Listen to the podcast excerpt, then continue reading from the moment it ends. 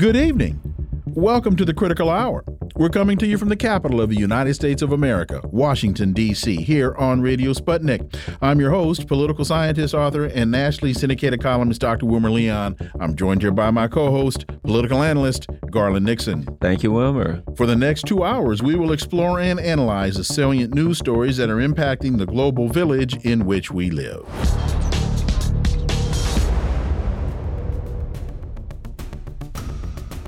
RT reports intervention in Niger would mean declaration of war. Neighbors Burkina Faso and Mali have denounced the uh, ECOWAS sanctions against the junta in Niamey. For insight into this, Let's turn to our first guest. He's a historian and educator with 40 years of background in the continent of Africa, living and reporting from uh, Eritrea from 2006 to 2021. And at one time, he was the most widely distributed independent journalist on the continent. Thomas C. Mountain, as always, welcome back. Good to be back. In the first ever joint communique yesterday, the military governments in Mali and Burkina Faso warned the West and other African states against intervening in neighboring Niger.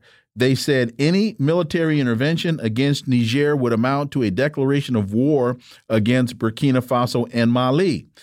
Your thoughts, uh, Thomas Mountain? This seems to be developing uh, into a proxy conflict, Thomas Mountain? Well, you know, a little bit of background first, because Niger is about right in the middle of the African Sahel, which stretches from the Atlantic Ocean in the west almost all the way to uh, the Red Sea, and from uh, the borders of Algeria in the north all the way down to almost the middle of Africa. And then uh, the Sahel is the largest landmass that has not been explored for minerals and energy in the world. And it's been dominated by the French. Now, uh, the biggest problem that the Sahel has been facing, first of all, is it's been the canary in the coal mine for what used to be called climate change, which is increasingly being known as climate disaster, going back to the, all the way back to the 1970s, where this uh, desert, desertification and drought and famine has taken the lives of millions of people and displaced many, many more millions of people off the land.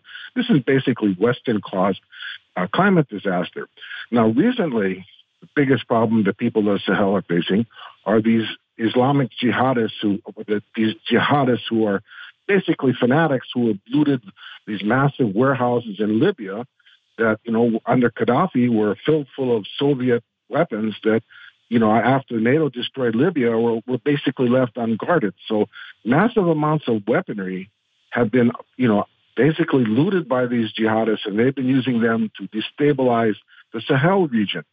Now, the you know the Sahel, the first major area that the Sahel broke out in conflict was in Mali, where actually the, the Tuareg, who are indigenous people, who after you know many many decades of marginalization by the uh, French-dominated Malian government uh, were rose up and basically uh, drove the Mali government's army out of Mali all the way down to the south. But then they were turned on, and they're turned by the jihadists who were much better armed and equipped. And they, the jihadists started taking over Mali. And this caused the French, you know, the Mali people to panic and say, hey, look, can you help us, France? So France intervened and drove the jihadists up to the north where they trapped them in a small town called Kona with only one road out. We thought this is going to be the end of the jihadists. The French had them surrounded. So what did the French do? They let them all escape with their weapons. But the only reason we could come up with was because the French wanted to keep a jihadist presence in Mali, so they excuse to keep their military there so that they could continue to dominate Mali. Okay, so you have this, you know, this in time, the Malian people became to see that the French aren't there to help them. They're they're, they're not fighting the jihadists. They're they're there to maintain French control of the region and exploitation of Mali. So the Mali, Mali people have risen up and you know told the French to get out. And you know, then the people of Burkina Faso had a you know they overthrew their government and their military did, and and they told the French to get out. And now you have in Niger uh, a French-backed, well, instigated government that uh, the Nigerian military has gotten rid of, and with the support of obviously the support of the Nigerian people, and they've told the French to get out of their country. Okay, so the French response to this is increasing panic because I mean, for after World War II, three of the major French presidents, De Gaulle, Mitterrand, and uh, Chirac, all said that when France loses its African colonies or neo colonies, France is going to turn into a third world country. And that's what France is facing right now. Is growing wave of anti-French uh, nationalism amongst the people of the Sahel wanting to kick France out. Now, you know, France has got a pretty big military base already in, in uh, Niger, but the United States has a big intelligence base there as well. I mean, they used to be, most of these guys, Americans were in Ethiopia. And they were kicked out of Ethiopia in 2018 when the TPLF were driven from power, and they moved their base to Niger, where they've got their drones and their intelligence. And what they're doing there, we don't know because we, haven't heard them fighting any jihadists there. But in any case, what's going to happen next? I mean, the, the ECOWAS, which is supposedly there to promote democracy in Af- West Africa, I mean, the, what is ECOWAS doing? ECOWAS is mainly made up of the Nigerian military who can't even defeat the, the jihadists in their own country. And yet they were able to go into Gambia and reinstall a democratically elected president. I mean, you know, what business is, is Nigeria got? I mean, they're not fighting uh, uh, jihadists. They're just there doing the dirty work for the West. And they're going to intervene in, in uh, Niger. I mean, you know, you've got not just uh, Burkina Faso and Mali saying this is a declaration of war if they do. You've got Guinea on their side. Now you even got Algeria saying no, no, no, no. And you know the Algerian head of the Algerian military, as we speak, is in Russia meeting with the head of the Russian military. So there's this big wave of nationalism in Africa that's looking at Western hegemony as being the problem. And you know, in this case, it's the French because the French are the major military presence in Africa. I mean, they dwarfed American uh, foot, footprint on the ground in Africa. So you've got, you know, this rising, growing anti-Western feeling, particularly focused on the French right now, because they're the colonizers in, in the Sahel. And this has got the French in a big conundrum because uh, France gets up to a third of its uranium, which powers the bulk of the French electrical system, from Niger. And if the French lose Niger, and, you know, in the, the cheap uranium that the French have been exploiting from Niger has been providing some of the cheapest, if not the cheapest electricity in Europe to the French people. And what's France going to do? Where they're going to re- find a replacement for this when there's already serious competition for uranium and the rest of the with the rest of the world. So France is between increasingly between a, a rock and a hard place here. And what are they going to do? If they come into Niger with their military, they're going to throw gasoline on the fire. So what options do they have? They have the option of uh, using ECOWAS, which which is going to be a big problem because logistically, how are they going to get these fighters from the ECOWAS forces into Niger? Costs over a thousand more miles, uh, or they're going to send the uh, Chadian army in. Now, Chad has got a major military, French military presence there. The French have repeatedly intervened into Chad uh, to, to, you know, to crush rebellions that were trying to get rid of the French back and install government in Chad. I mean, the French, the previous Chad president was killed in combat fighting, you know, opposition forces, and his son was replaced him, a great example of democracy. And, uh, you know, maybe Chad is going to be brought into this. Um, but, you know, I don't think Chad wants to get involved militarily at Niger. But who knows what's going to happen? Um, you know, the Americans are there as well. The Americans have definitely got a, are worried because the the Chad, uh, the Nigerian people, as well as the people of Mali and Burkina Faso and the rest of Africa, are starting to wave the Russian flags in their streets and their demonstrations. And this has got the West starting to panic.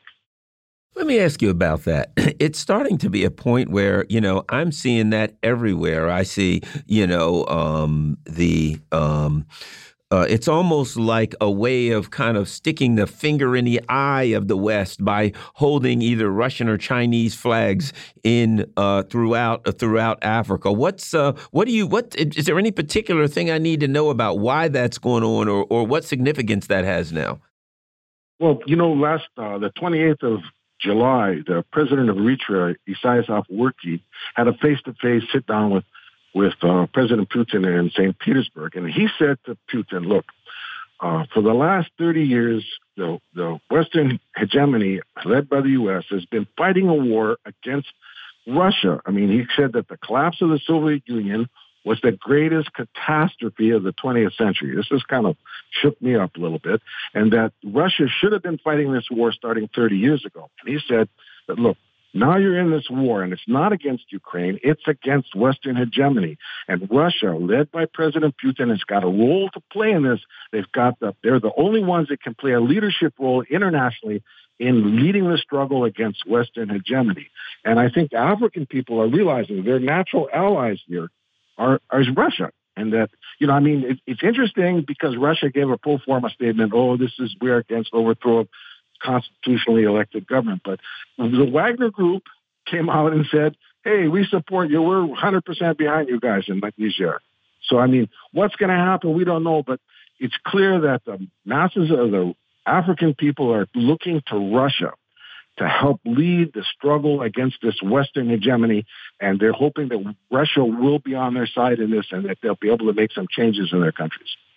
Isn't it also that Russia and China are not imperialist countries and that they are engaging in a more peer to peer business relationship as opposed to using the leverage of the of the interest rates of the World Bank and the IMF and bringing these countries into these incredibly high interest loans and also then imposing governments upon them instead of working with the governments that are there. We got 2 minutes.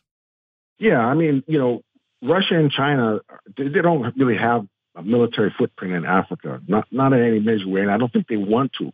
But I mean, I think what they see is that they've got a role to play. Now, China is, I mean, it's clear that Putin is going to have to lead this because China right now is still too integrated into the U.S. economy. It's not prepared to confront the U.S. directly. But Putin is in an actual war and he's not out looking to Africa to get, you know, to exploit the African resources. He's looking to Africa as, as a part of the international struggle against Western hegemony, mm-hmm. which he needs all the allies he can get.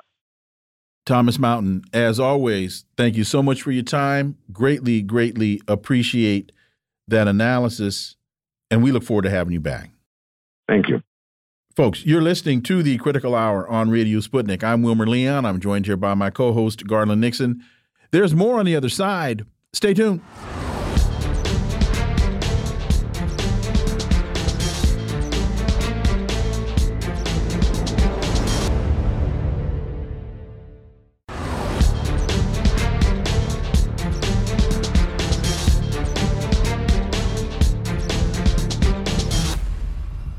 We are back, and you're listening to the Critical Hour on Radio Sputnik. I'm Wilmer Leon, joined here by my co host, Garland Nixon. Thank you, Wilmer. The Defense Post reports Moscow says it has intensified strikes on Ukraine in response to attacks on Russia. There's been an uptick of Ukrainian drone attacks on Moscow. For insight into this, we turn to our next guest. He's a Moscow based international relations and security analyst, Mark Sleboda. As always, Mark, welcome back. Dr. Leon Garland, thanks for having me. It's always an honor and a pleasure to be on the critical hour. So, the story is Moscow has intensified strikes on Ukrainian military infrastructure in response to attacks on Russian controlled territory. Defense Minister Sergei Shoigu said this yesterday against the background of the failure of the so called counteroffensive. Kiev has focused on carrying out terrorist attacks on civilian infrastructure, Shoigu said. So, what we have, what we seem to have, Mark, is by this story, is that Moscow is hitting more military targets. And in response to that, the Ukrainians are attacking civilian infrastructure, such as the bridge we talked about a week or so ago. Mark Sleboda. Okay, so uh, definitely uh, the uh, Kiev strikes on the civilian um, automobile portion of the Kerch Bridge, uh, or as it's more commonly uh, referred to, the Crimean Bridge, uh, is it, it definitely had no military or strategic utility. If they had actually focused and hit the railroad bridge, which runs parallel to it, that that conceivably, right? Because the railroad bridge can actually be used for military traffic, right? You don't use military traffic over a long civilian bridge. It's just it's silly. There they would utterly destroy the bridge, which is is why most countries use um, uh, railroads to to move military equipment and troops around on anything but the most uh, local level. Uh, so um, that is, you know, a, a clear indication. The uh, strikes in Moscow. Um, there's a question there. Um, both strikes, uh, two days in a row, obviously directed at the same target. Both of them uh, were composed of multiple long distance drones with relatively small uh, explosive payloads to help them be able to, to reach that long distance. It is at the limit of their range. They were aimed specifically at Moscow City, which is a area within Moscow. Um, Moscow is actually a spread out city, and it has restrictions on uh, the inner area of the city how high buildings can go to preserve the historic uh, skyline, the, the uh, um, skyline of the city. Uh, but outside of that ring, there's there's no such restrictions, and so uh, Moscow's skyscraper-laden financial district has emerged there, and that is Moscow City, and and that's what you think of when you see a lot of you know Western capitals, big glassy skyscraper things, uh, the sky. In particular, they seem to have been aiming, both composed of multiple drones, and in both cases, it appears that only one of those drones got through, but one of them did get through in both situations. They hit the same building, so obviously they weren't diverted by electronic warfare. Uh, they did very minimal damage to the facade. The building itself, the IQ Tower, is a commercial building. However, it does also house offices of three government ministries, uh, including um, trade, uh, um, uh, economic development, and the Ministry of uh, Digital Technologies, Communications, and Mass Media.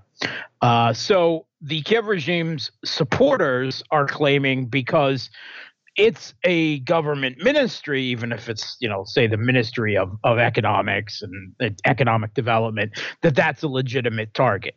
Um, it has to be noted that Russia has not aimed at targets like that in Ukraine. Uh, so if they do, that would be an escalation of the definition of an uh, a uh, legitimate target to include, uh, you know, all uh, any anyone you know, who works for the government, any any you know in whatever capacity, uh, even something not directly related to military or security matters or decision making uh, in the military process.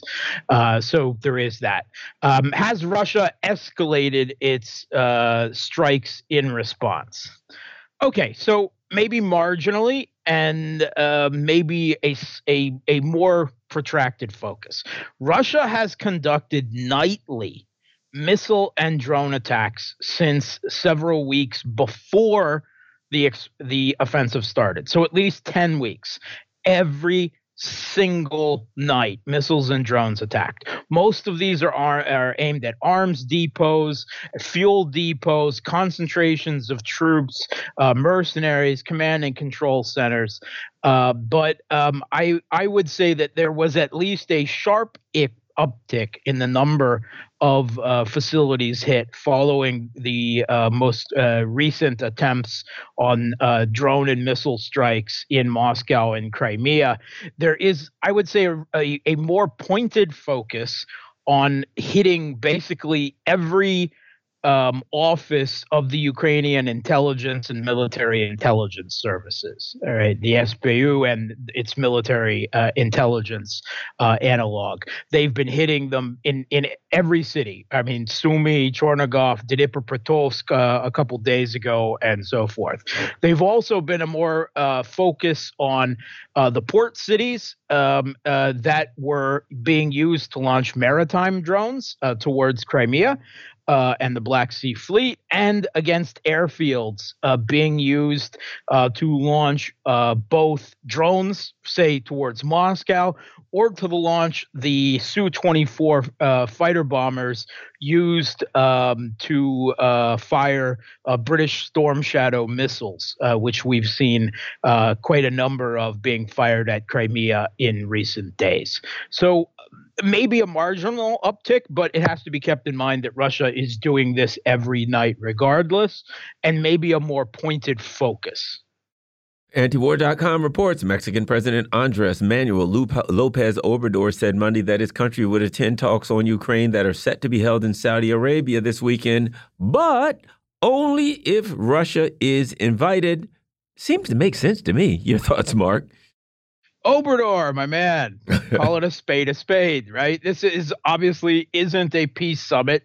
It's not about peace. It's about making demands. And effectively, most importantly, when you're inviting countries like Latin American countries and countries like Brazil uh, and India and China, not that they're going to come, it's a leg breaker session, right? They, just like we've seen the, previous uh, such uh, one sided quote unquote peace summit in Copenhagen in June, it is being used by the U.S. to try to bully and coerce countries that aren't following U.S. sanctions and or aren't doing enough to support the U.S.'s proxy regime in Kiev. And Mexico just said, yeah, we don't want any part of that when it's an actual peace summit, you know, where like both sides are represented, uh, then, you know, give us a call and that is actually the sensible thing. Uh, it would be nice to see countries like Brazil and India also uh, publicly uh, calling this spade a spade, um, and and uh, you know also similarly uh, not show up if it's not properly a peace summit and just is a type of uh, a, you know PR event and leg breaker session. Well, and, and, to your point, uh, uh, Lopez Obrador says if there's acceptance from both Ukraine and Russia to look for solutions, we'll participate. We don't want the Russia Ukraine war to continue. It's very irrational. The only thing that benefits from it is the war industry. Well, you can't argue with any of that that he said and then it's being billed as peace talks. What's interesting to me is that nations that are not aligned with the U.S. or NATO have been invited, including India, Brazil, and China, but they haven't indicated whether they're going to show. And then the final point here is Ukraine and its Western backers intend to use the summit to try and convince non aligned nations to adopt Kiev's demands for peace. So, to your point, a leg breaking session. That really seems to be what's going on here. Yeah, eh, Kiev's demands for peace is that Russia should surrender and pay reparations. And also, they'd like a pink pony, too, I believe. I think Zelensky specifically said he wants a real pink pony. You got a better shot of getting a pony. That's my guess or or a, uh, a, unicorn or a unicorn. That's exactly what I was trying, trying to do was unicorn.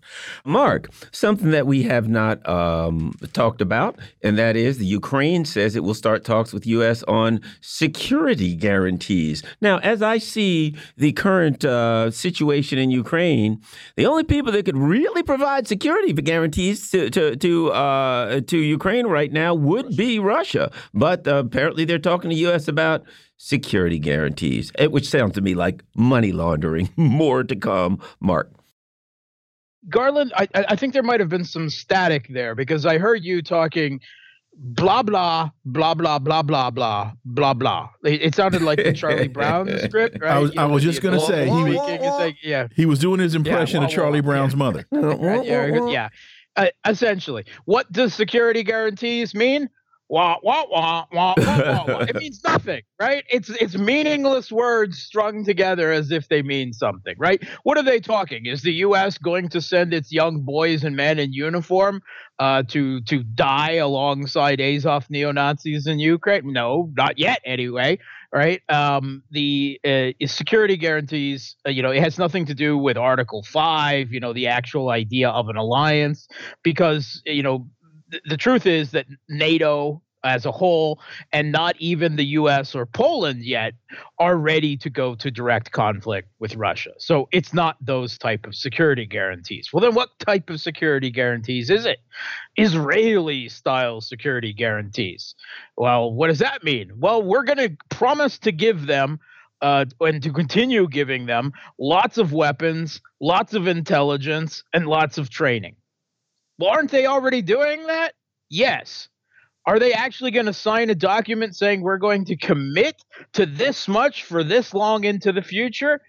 No, because that would be, you know, putting it out there on the line and, and money talks a little bit too much either. But there will be lots of vague promises about when the conflict is over and continuance and and so forth and so forth. But uh, it, it will be meaningless words written on paper without any legally enforceably guarantees. And that is, you know, because Washington, to some degree, is always continually fighting over budgets. Sometimes not doing only doing it uh, uh, for political point scoring and, and instead of of actual interests. You know, we saw, for instance, Kevin McCarthy, the current Speaker of the House, promise while campaigning that there would be no blank check for Ukraine.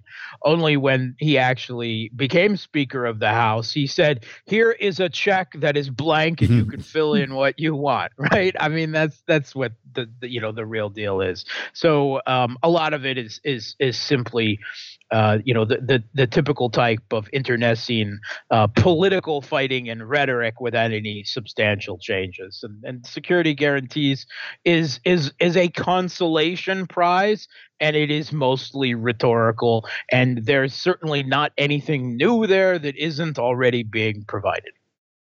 But see, Mark, you, just don't get it because Zelensky's chief of staff said security guarantees will be they'll be concrete long term obligations ensuring Ukraine's capacity to defeat and restrain Russian aggression in the future.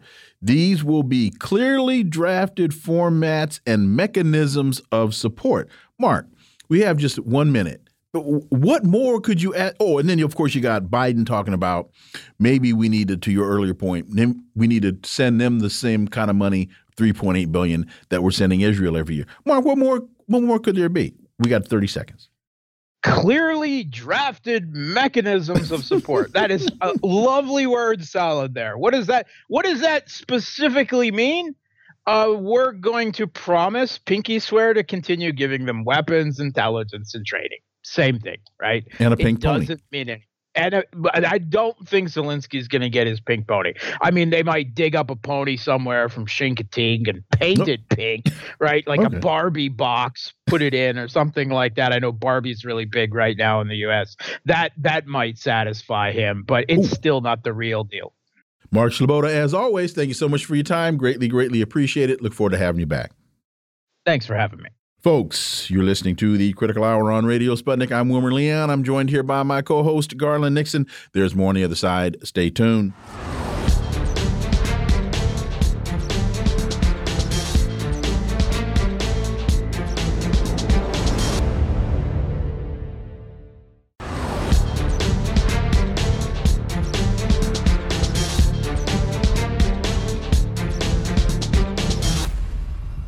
We are back, and you're listening to the Critical Hour on Radio Sputnik. I'm Wilmer Leon, joined here by my co host, Garland Nixon. Thank you, Wilmer. Well, Devon Archer says Hunter Biden, Burisma execs called D.C. to get Ukrainian prosecutor fired. Devon Archer testified for hours at the House Oversight Committee yesterday. For insight into this, let's turn to our next guest. She's the host of Sabby Sabs podcast and co host of the Revolutionary Blackout Network, Sabrina Salvati. Sabrina, welcome. Hello. Thank you so much for having me on. So, Devon Archer, former business associate and longtime friend of Hunter Biden, testified yesterday that Hunter and top executives of Burisma Holdings called D.C. in 2015 to ask the Obama administration to help fire the Ukrainian prosecutor investigating the firm. Archer testified that Hunter put his father, then Vice President Joe Biden, on the speakerphone while meeting with business partners at least 20 times and said Joe Biden was put on the phone to sell the brand. Archer was on the board of the natural gas firm along with Hunter Biden. Your thoughts? This, I would say, is bombshell testimony. Sabrina Salvati. I agree, and I'm actually surprised that Devon Archer actually made it to the testimony. To be honest, I knew there were there were uh, rumblings that he was going to be possibly arrested prior to this. They were trying to prevent him from testifying. Uh, it's very clear to me that Joe Biden was obviously involved, and I think we have to remember that Joe Biden has gone on record and has made public statements that he was not involved with Hunter Biden's business dealings in Ukraine. Obviously, that's not true. Um, I don't know what's going to happen in reference to accountability. And I think that's the question that a lot of us should be asking. Are they going to actually hold Joe Biden accountable? I don't think that they are, but this could in turn affect Joe Biden come 2024 for the presidential election if they continue to talk about this story. But it's just interesting to me because going back to the 2020 debates between Trump and, and Joe Biden, Trump actually called this out during his one on one debate with Joe Biden, and it just wasn't believed. And Joe Biden said, That's ridiculous. I had nothing to do with this. He's not telling the truth. But it turns out that Trump actually was telling the truth about that. So I think that now this is just going to be another thing that I think the GOP is going to be able to point to and say that Joe Biden lied, uh, not only in interviews, but also when he was on the debate stage as well. So it'll be interesting. Here's the other thing. You know, I'm looking in the media and some people are like, well, Devon Archer didn't say that much or Devon Archer didn't this or that. And I thought, they continually act like each of these things are individual. There was a, an FBI 1023 form. A, an informant literally came to the FBI and already told them all this stuff came to the FBI and said it was both Biden and Hunter that coerced us to do it, that we didn't want to pay him, but basically there was a. It's a, called extortion. Yeah, exactly. How about that? Extor that they were extorted, right? So the things that we hear from Devon Archer, okay, if you heard them by themselves, but based on the fact that the FBI had all of these allegations and they had um, Hunter Biden's laptop to corroborate them. Now they got Devon. When you put all of these together, you got a cut and dried case. And what I keep asking myself is the FBI's the problem here. They got everything you need to go after a person, and for some reason, they don't see anything, Sabrina. Correct. And the FBI director actually just testified in front of uh, the House Committee on Weaponization of, of the federal government. So, and, in numerous times, like during that testimony, the FBI director would either say that he was not involved or he was unaware of some of the criticisms that he received during that testimony.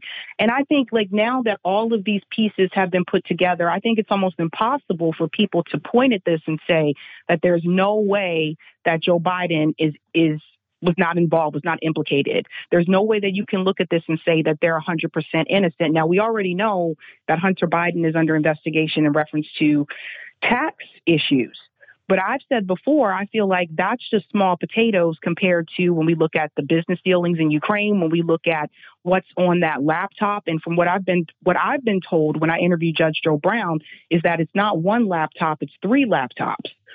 So there's a lot of damning evidence there. And it's very clear that mainstream media, at least liberal media, is trying their best to protect Joe Biden because they want Joe Biden to be reelected. But we have to ask ourselves, if it was the other way around and if it was Donald Trump who was sitting in this position, would liberal media defend him? No, they would try to do everything that they could uh, to damage him. So I think it's, it's very telling here that a lot of our political leaders are just corrupted. Sabrina, Sabrina, Sabrina. Uh, you say you don't. We, look, the story from April of 2022 from the White House. Press sec then Press Secretary Jen Psaki said that President Biden still maintains he never discussed overseas business deals with his son Hunter. I mean, what more do you need to hear? And despite significant and growing evidence to the contrary, the president has said he never spoke with his son about his overseas business dealings. And then he was asked she was asked, Is that still the case? And she said, Yes. He's never spoken with his son about his overseas business dealings. Well, if you can't trust Jen Psaki, then Sabrina, who can you trust? None of them. Oh, and, and we have to. oh, oh, but, oh, wait a minute, wait a minute, wait a minute. The other, and but but and, and in all seriousness, I went through that to make this point.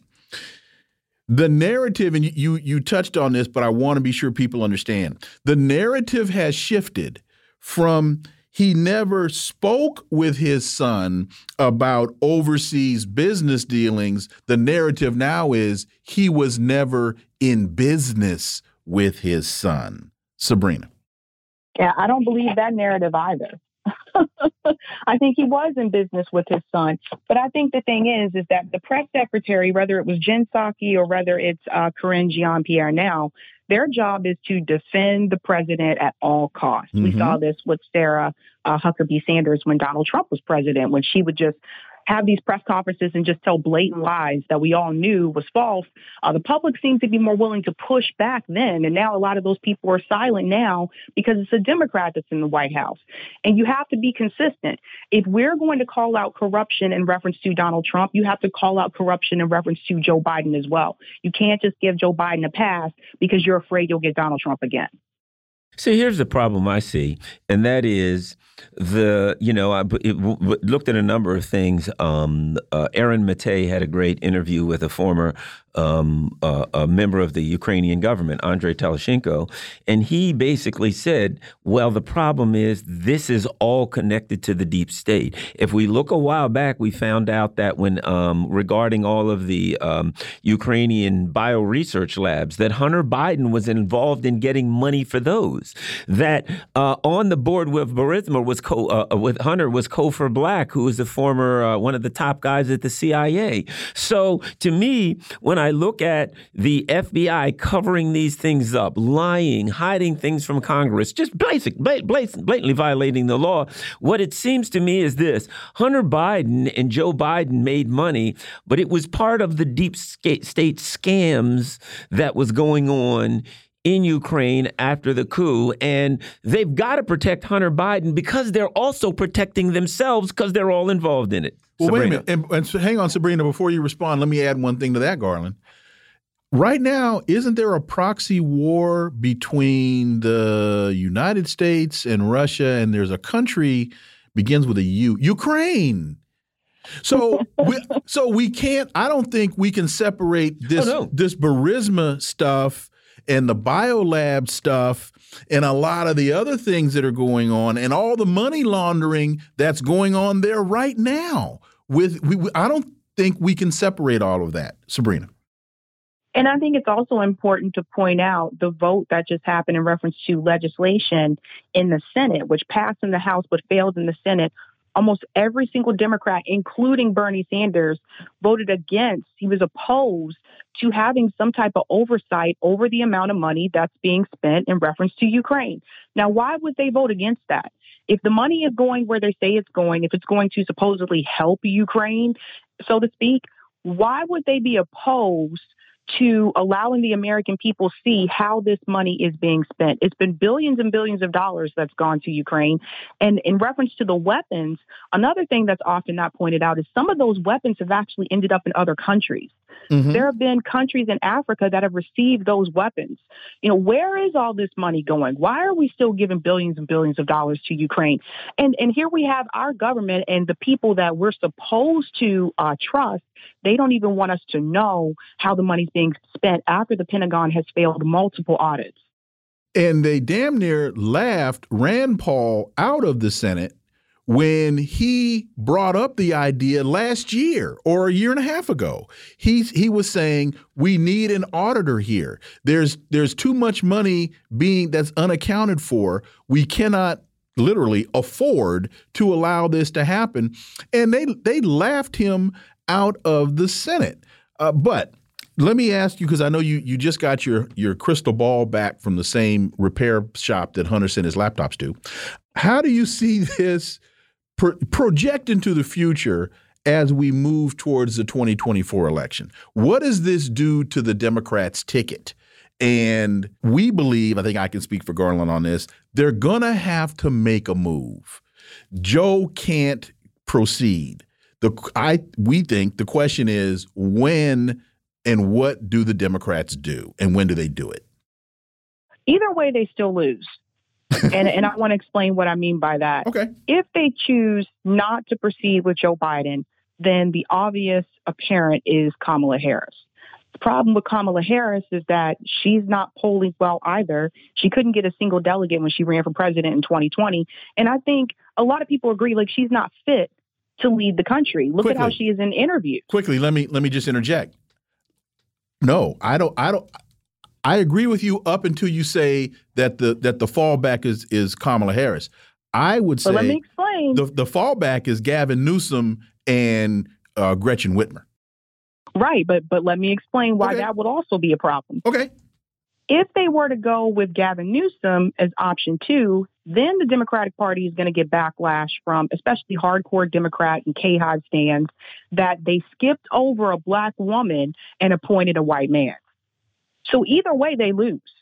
They can neutralize that a with Gretchen Whitmer, not that she's a black woman, but she is a woman, and Kamala Harris will stand down on that point Yeah. and, di- and diffuse that. She'll go along with that. She'll She'll, have- do yeah. whatever she's told. Yeah, that's our opinion. Yeah, but I just think uh, having spoken to a lot of people who just kind of see her there as she is the next in line. The problem is though, those Kamala Harris, those K high stands, they are going to have a problem with that. The other thing But too wait a minute, wait I a minute, know wait a minute. But Kamala didn't even get one percent of the vote. So that's a that's a that's an empty that can, was that's an empty can Right. rattling. That's a, we we, was- we, we got to get out. that- We're gonna have we're gonna we're gonna have to continue this the next time we have you back because I interrupted you too many times and now we gotta get out. Sabrina Okay. Salvati, thank you so much. Greatly appreciate it. Look forward to having you back. okay, thanks. Folks, you're listening to the Critical Hour on Radio Sputnik. I'm Wilmer Leon, joined here by my co-host Garland Nixon. I apologize for that. I talked too long. Uh, there's more on the other side. Stay tuned.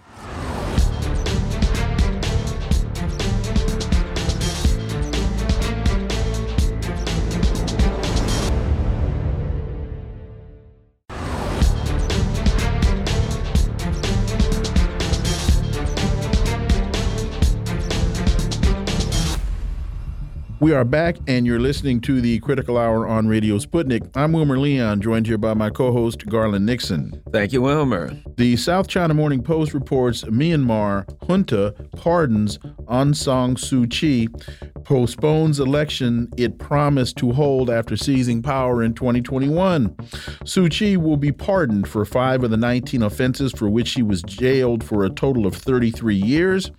Ex President Win Myint was also pardoned. Meanwhile, the general said violence following their 2021 coup made an election that is free and fair and voting without any fear impossible. For insight into this, we turn to our next guest. He's a journalist, social activist, international business consultant, and chemical engineer, George Koo. As always, sir, welcome back.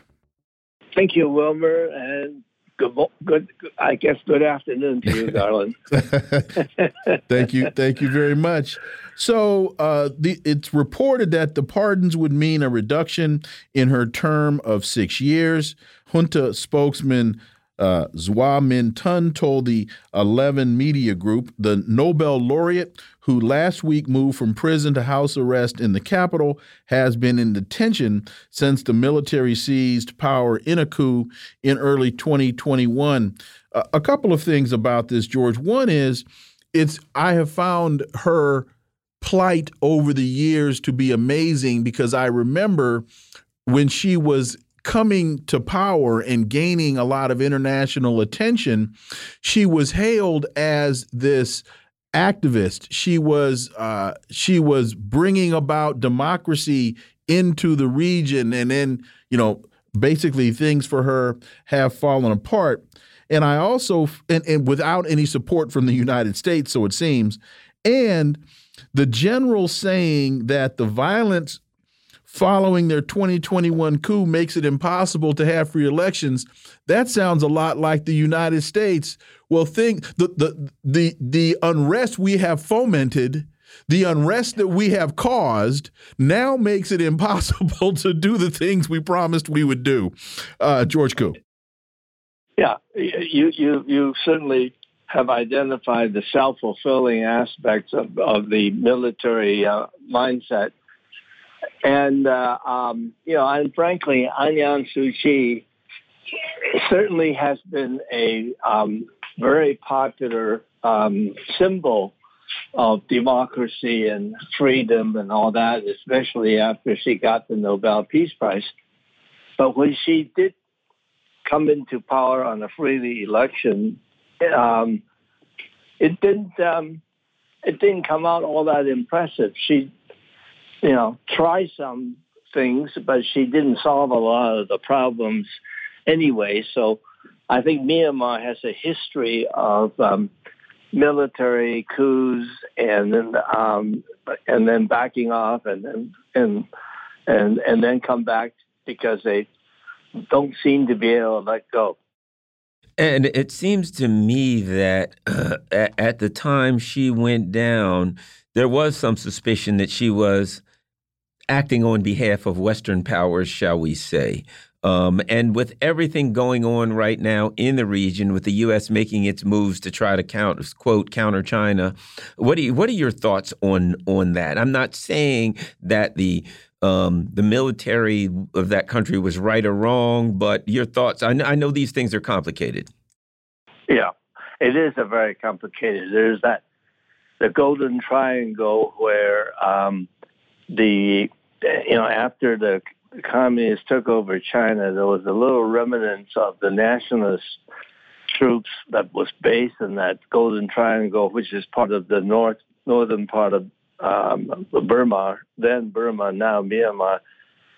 And of course, they hung on to there and they turned it into a, uh, uh, drug producing region. And, um, and, you know, so that's one ethnic control. There was there, I think, other uh, tribal groups there that were resisting the the military of Myanmar, and of course, um, China really didn't play any part of supporting any of these groups. They pretty much tried to help in terms of investments, in terms of port expansions and things like that. But um, but it's it's it's been a messy messy situation there it, it's a beautiful country, by the way, and it's and the people are very gentle in uh, uh, and of course Aung San Suu Kyi has a has a legacy. Her father was very much involved in gaining independence from the British. Um, but then he uh, he died. I think he died early in a in an airplane accident and never was able to finish exerting his influence on the country. Again, South China Morning Post and a related story India's treatment of Rohingya Muslims like sending them back to killing fields, according to reports. Uh, sectarian violence has over the decades displaced more than a million Rohingya from Buddhist majority Myanmar, with most claiming asylum in Bangladesh. Uh, what's going on with this issue as it relates to the Rohingyas in Myanmar?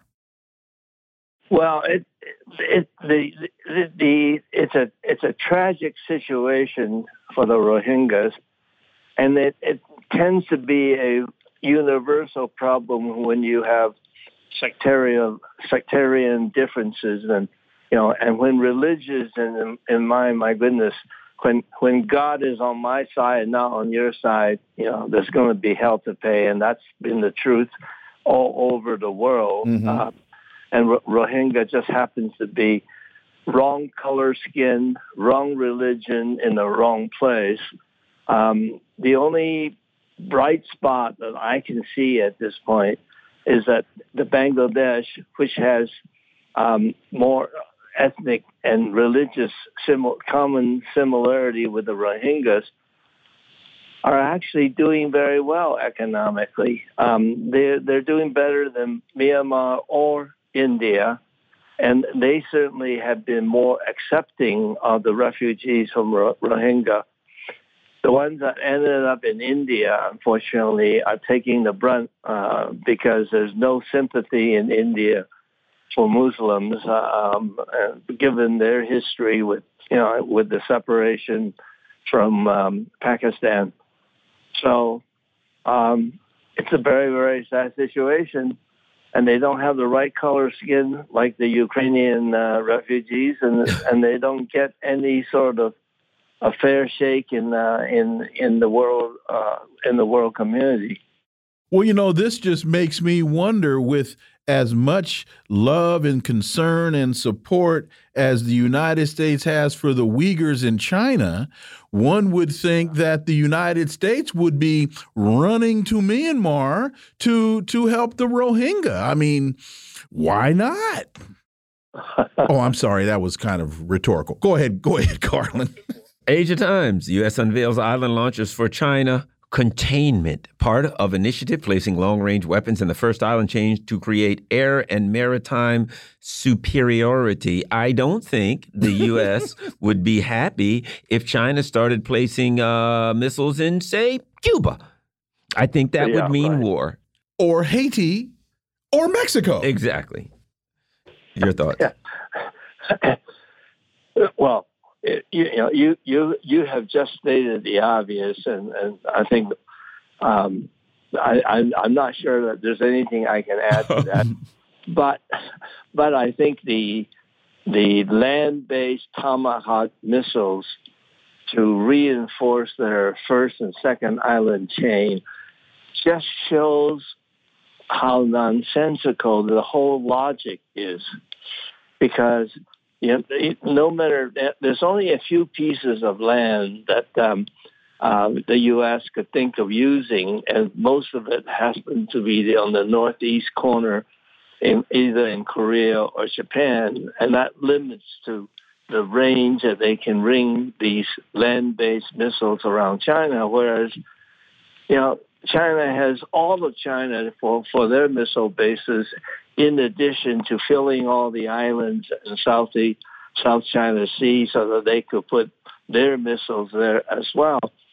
It's a mismatch, and it's um, and, and and you know it's it's quite obvious the mismatch is in China's favor, and yet the United States insists on exerting what they consider to be their privilege as the, as the hegemon around the world, and the you know um, there's what at least 300 bases ringing around the China, and I guess apparently they don't feel that's quite enough. One of the things that that made me laugh was the the title of the article. U.S. unveils island launchers for China containment. What is the United States from a military perspective? What is what what are they trying to contain? Be, and you know, we we keep asking this question on this show. When has China said or demonstrated that it's planning to do anything from an offensive perspective as it relates to military invention uh, intervention in Taiwan. This is this is uh, in my humble opinion, the United States is is fighting ghosts, or as Garland loves to say, werewolves. Uh, what is it? Uh, you know, it, if the United States toned down the geo uh, the jingoistic rhetoric, well, in fact, this goes back to what we talked about initially with Myanmar the military says we can't have elections because of the unrest, and it's the unrest that we fomented. Exactly. Yeah, and, and it's the same. You you just said it. Uh, it's it's the same logic. Washington says China is a threat, and therefore, because China is a threat, we have to contain this threat. Yeah, it has nothing to do with China. It has everything to do with the perception and propaganda coming from Washington, and that justifies the budget, justifies the military industrial uh, complex, and um, and and it justifies Wall Street investments in those companies. So it's a self fulfilling um, cycle where you create the image, you create the monster, and then you have to go and, and contain the monster that you created.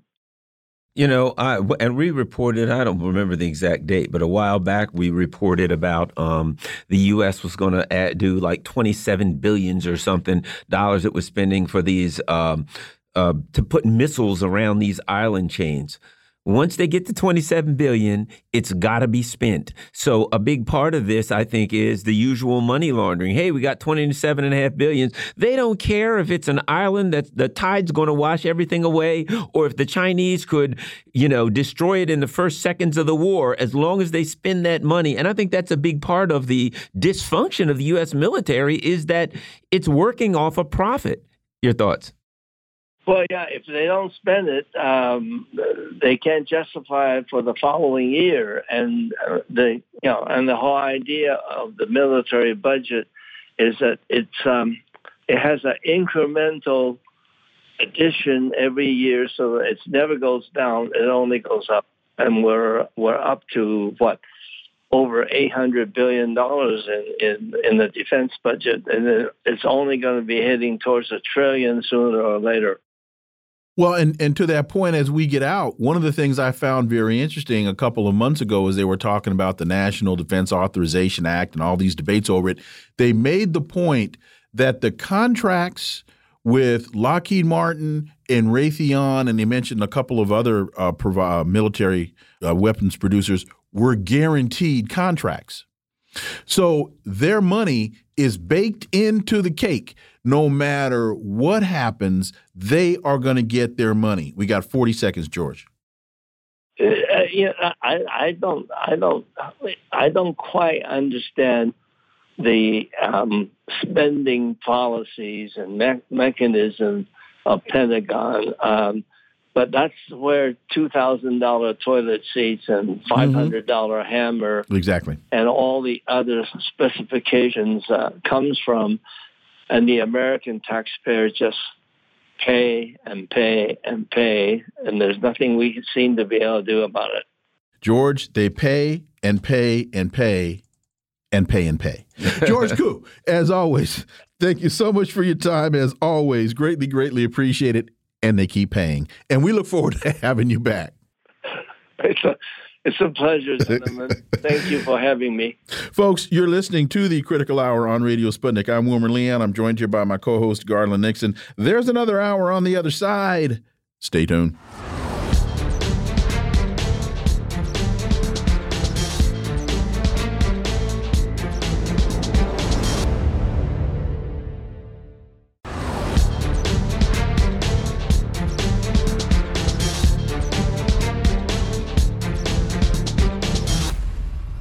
We are back, and you're listening to the Critical Hour on Radio Sputnik. I'm Wilmer Leon, joined here by my co host, Garland Nixon. Thank you, Wilmer.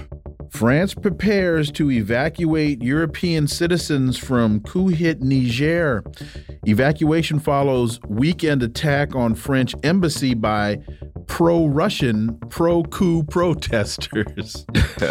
France said it is preparing to evacuate its citizens and those of other European countries from Niger today after a weekend attack on its embassy by again pro-Russian protesters supporting last week's coup in the West African nation. For insight into this, we turn to our next guest. He's an award winning broadcaster, analyst, and journalist based in Beirut, Lebanon. Laith Marouf, as always, Laith, welcome back. Thank you for having me.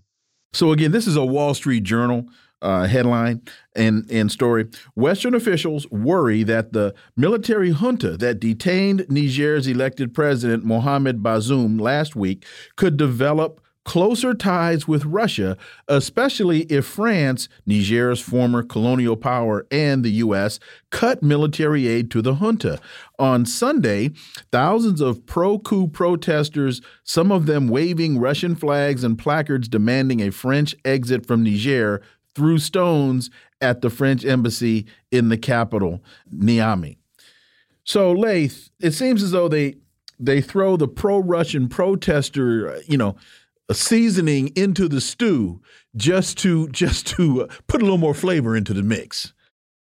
Oh yeah, and it's a mouthful, of course, uh, and it shows you how desperate the Washington Post and other media in uh, kind of influencing the uh, opinions of the readers. in such a manner.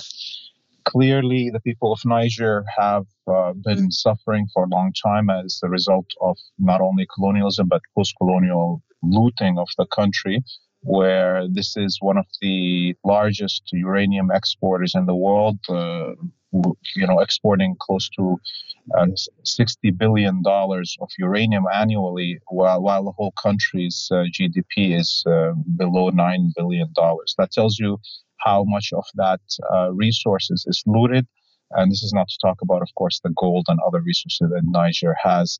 Uh, the people in Niger and all of the Sahel the, of uh, the Sahara are sick and tired of uh, waiting for change to happen. And uh, clearly, uh, the French are losing much of the Sahel. They already lost Mali, Burkina Faso, and now Niger. Uh, there's only Chad left uh, where the French and the Americans have influence in the Sahel. And uh, it seems that change is in the wind. Let me ask you this: What is the discussion, uh, uh, you know, in the Middle East regarding um, Burkina Faso's new um, uh, leader, young leader, you know, standing basically tough. Uh, Burkina Faso and Mali saying that if uh, the U.S. was to use some proxy to to attack uh, Niger, that they would be prepared to um, to to defend it. After he recently said that Africa needs to be ready to fight for his freedom, uh, is there a discussion about him? Are you hearing discussion about Burkina Faso and that kind of thought process that's that's changing in Africa? Yeah, I mean, the, the media is definitely covering the story anxiously here in the region. Um, not, of course, only because of you know seeing the Africa Russia summit and the speeches by the president of Burkina Faso, uh, but also to see uh, Algeria moving in in this direction. Now, you know, Algeria is one of the strongest militaries in Africa. Uh, the head of the uh, Algerian military was in Moscow today, and uh, the Russians promised to uh, increase the military exchanges with uh, Algeria. Algeria also said that they will not stand idle as their neighbor Niger gets invaded. And that means now, you know, this conflict around Niger may spill very fast into a regional um, conflict. Um, and uh, I don't think neither the French or the Americans are prepared for this. Uh, you know, the United States will lose its most important drone base uh, if uh, Niger continues on on this path of um, of uh, you know real sovereignty. The United States has this drone base in Niger that uh, they attack from it much of the African nations, and this will weaken definitely the control over uh, the Sahel and uh, West Africa. And in speaking about that drone base, and then also understanding AFRICOM and its being based, you know, and, and its its operations uh, on the continent. What? Because I'm not hearing a lot about AFRICOM in all of this. Am I missing that, uh, or what? What's your what's your take? Because you know the drone base is very important. And again, AFRICOM was established to address this type of very situation. So, your thoughts? Yeah, I mean, the Western media, American media specifically, is um, kind of downplaying the effects of this change in power at, at Niger on, on American presence and movements in the region um, because it's such a big loss. I mean, if you if the Americans can't fly their drones over Africa from Niger, they will need to find a different country to host this. They will need to move this material, and of course, uh, as mentioned before, with Mali and um, Burkina Faso also out of the imperial control, that means much of the west um, of Africa and the Sahel are uh, heading towards more and more sovereign uh, decision making, and uh, this will uh, weaken the United States presence in the whole area. AFRICOM cannot survive without these drones. And then the second thing that the Americans depend on is the presence of the French. without the French uh, having all this presence in the region, the United States itself cannot, uh, you know, actively uh, pursue its goals. And uh, this is uh, why I think the media in the West is downplaying the results of this as, as much as they can and trying to blame it on Russia, as we see, to muddle, muddy, the, muddy the water. It seems to me, as I see what's going on in West Africa, as I see what's going on in Syria, um, the U.S. Uh, it seems like the days where the U.S. have have dominated Africa, dominated the Middle East, North Africa, seem to be. I mean, in the context of history, you know, five or ten years is quick. So I would say it seems these days seem to be coming to a screeching halt in both the Middle East. I mean, because I don't see how they continue to stay in Syria with the direction that things are going, Laith. Yeah, I mean, on Syria, we've seen over the last uh, two weeks uh, a lot of movements of the American troops. Um, in fact, we saw a, a, movement of many of the Wahhabi death squads that the United States uh, had uh, in the northeast of Syria in the jails into Al Tanaf uh, triangle between Iraq, Syria, and Jordan, which is a scary situation for Syria. But also, we saw a increase of uh, skirmishes between the Syrian Air Force, the Russian Air Force on one side, and the American Air Force on the other. Uh, yesterday, the Russian uh, military announced that uh, a um, an American Reaper drone almost uh, collided with a Russian jet over the Azur and got dangerously close to it on purpose. So we we see this increase in hostilities. And uh, it's clear that the only path forward is a military confrontation in Syria between the occupying troops of the United States and its allied forces of the Wahhabi death squads and um, the Kurdish militias, and uh, Russia, Iran, Syria, and Hezbollah on another side. Um, it, it is also not, I don't know how the United States is going to uh, justify confronting the Syrians on their own territory. Uh, but uh, I don't know if the if the public in the United States will have any effect whether they like that uh, you know outcome or not. If such a conflict were to start, where does where does Erdogan fall in all of that? What does he do? Yeah, I mean, well, you know, that's a big question. Um, uh, he, this guy is a chameleon, and, mm-hmm. and, for me, I haven't trusted any any changes that happened in his political positions. Uh, so I guess we'll only know when when the conflict starts where uh, Erdogan uh, stands, and and it will depend, of course, on how much uh, you know profit can he bring to Turkey from whatever decision he makes. Al Mayadeen reports a report by Le Monde on Tuesday detailed some of the reasons why the tensions between the Saudi crown prince Mohammed bin Salman and his mentor Mohammed bin Zayed Al Nahyan, the president of the UAE, are not as frail as the media suggests. What are your thoughts?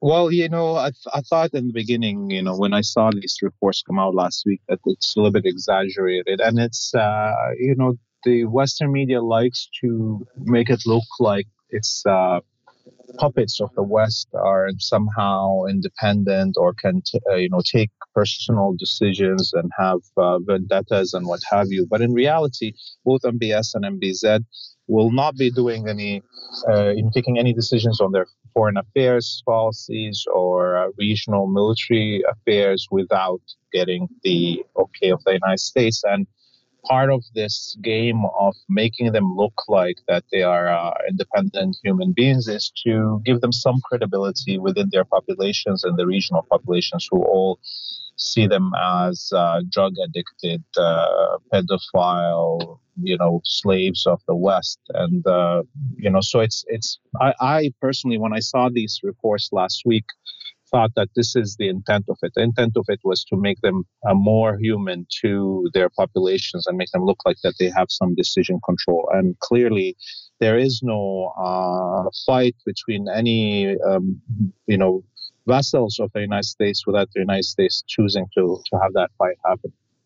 Rights groups vow to fight Israel's ethnic cleansing of Bedouin village of Ras Jabra. This is from Common Dreams. The forced displacement of Ras Jabra's residents to expand the Jewish city of Dimona serves as clear evidence that Israel is committing the crime of apartheid against its Palestinian citizens. Laith Marouf. Yeah, this is a continuing story. Of course, we know many other uh, Palestinian villages in the Naqab uh, housing citizens of Israel that are Palestinian are under constant uh, harassment to be pushed out, be depopulated, and the land being transferred to Jewish settlers. Uh, we know, for instance, Al Araqib, it's been demolished uh, more than 300 times now, and the population has been expelled more than 300 times, and they keep on coming back, the Palestinians, and rebuilding their homes. But that just shows you the cruelty and inhumanity of Zionists. Uh, and um, here, you know, when we when we all these Zionists keep on talking about democracy and how Palestinian citizens uh, have rights in Israel, well, here is the truth. Uh, Palestinian citizens keep on being uh, removed from their homes and their lands being uh, confiscated and given to uh, Jewish uh, settlers. In fact, just yesterday, just another example of the fascism that exists in uh, Israeli society. The Knesset, the Parliament of Israel, uh, passed with the third reading a new law uh, that uh, is called the uh, Nationalistic Sex Offense uh, Act. And in that this this new law, they say that if a Palestinian sexually harasses or rapes a Jewish citizen of Israel, they will get the double double the punishment in terms of jail time than if a Jewish person rapes or sexually harasses another Jewish person. So they want to make crimes and this is reminds us, of course, of what was happening to Black Americans whenever they're accused of sexually harassing or raping a, a white woman. This is exa- now they're even in the Jim Crow days, there was no separate law that said if a black man sexually harasses a white woman, that they'll get double the, the, the jail time as the white uh, counterpart. And this is what we have already happening as well. And to that point, let me just quickly ask you I, I don't know how many uh, relationships there are between Palestinian men and Jewish women, but I can only imagine that if a relationship were to develop and they were to be caught, it's very possible, as did happen in this country and still does in many instances, the woman cries rape, and now the Palestinian man is subjected to to to double the crime. Oh yes, yes, this will happen. It's already been happening, of course. Uh, but uh, you know, the there's so much racism um, in the Zionist uh, mind that uh, it's very rare that it, it actually happens that okay. there is some relationship between black uh, sorry black between arab and uh, jewish women uh, remember but also how the president of israel herzog was talking to the american jewish community telling them that they're you know uh, they, they're killing off the jewish race by having their children intermarry to to other groups that are not jewish and this is a main drive and, and crazy. And this is the liberal president that, that supposedly is not like Netanyahu, but he is talking about purity of blood mm-hmm. and making sure that Jewish women don't marry somebody outside okay. of the family. Laith Marouf, as always, thank you so much for your time. Greatly, greatly appreciate that analysis, and we look forward to having you back. Yeah, have a great evening. Folks, you're listening to the Critical Hour on Radio Sputnik. I'm Wilmer Leon, joined here by my co host, Garland Nixon. There's more on the other side. Stay tuned.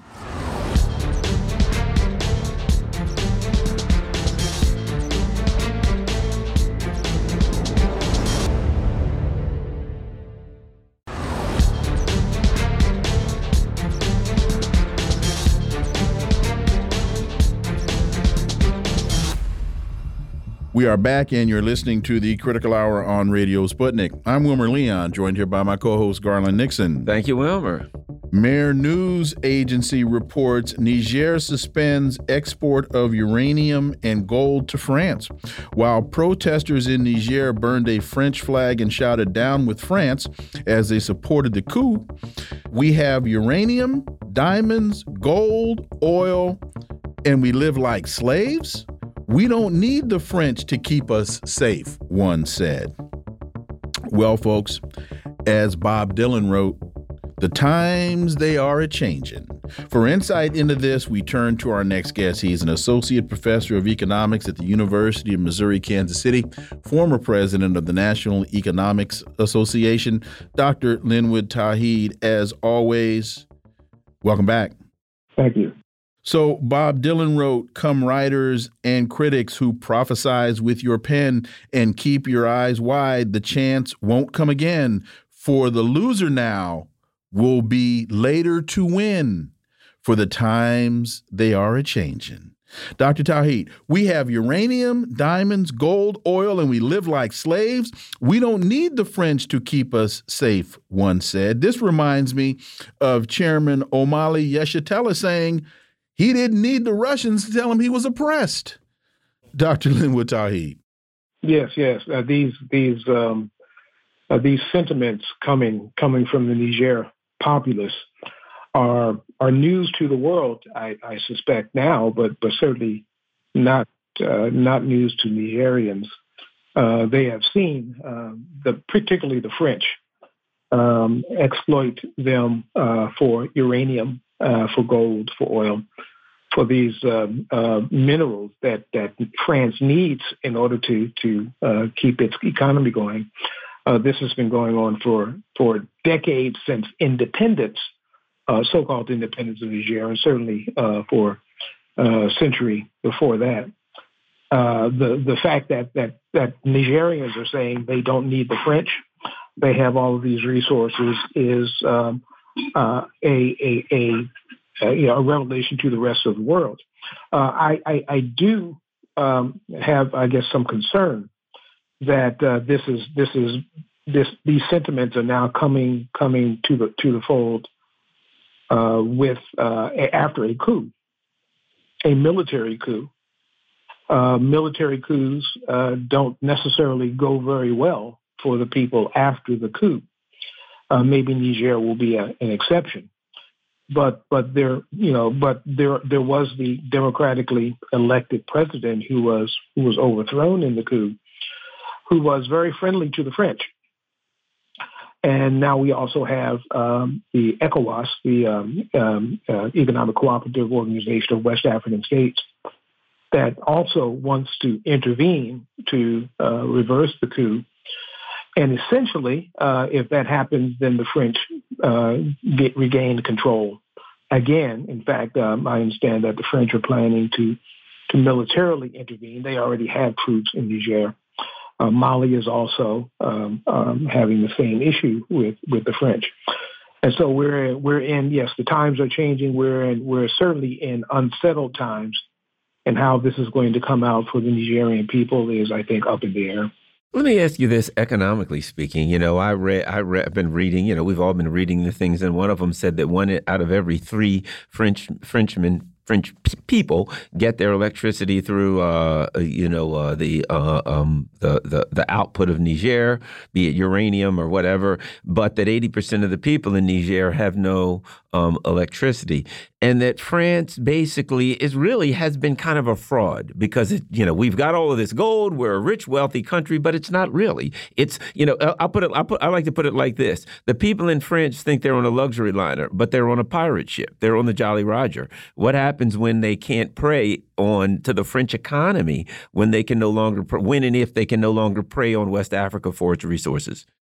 Yes, a very very apt analogy there. Um, this this um, uh, control of, of uh, West African states, particularly the Francophone states like Niger, is is uh, completely controlled by the uh, West African states' use of what's called the uh, colonial franc of Africa. They they now call it the CFA to get rid of the uh, the, the, terminology.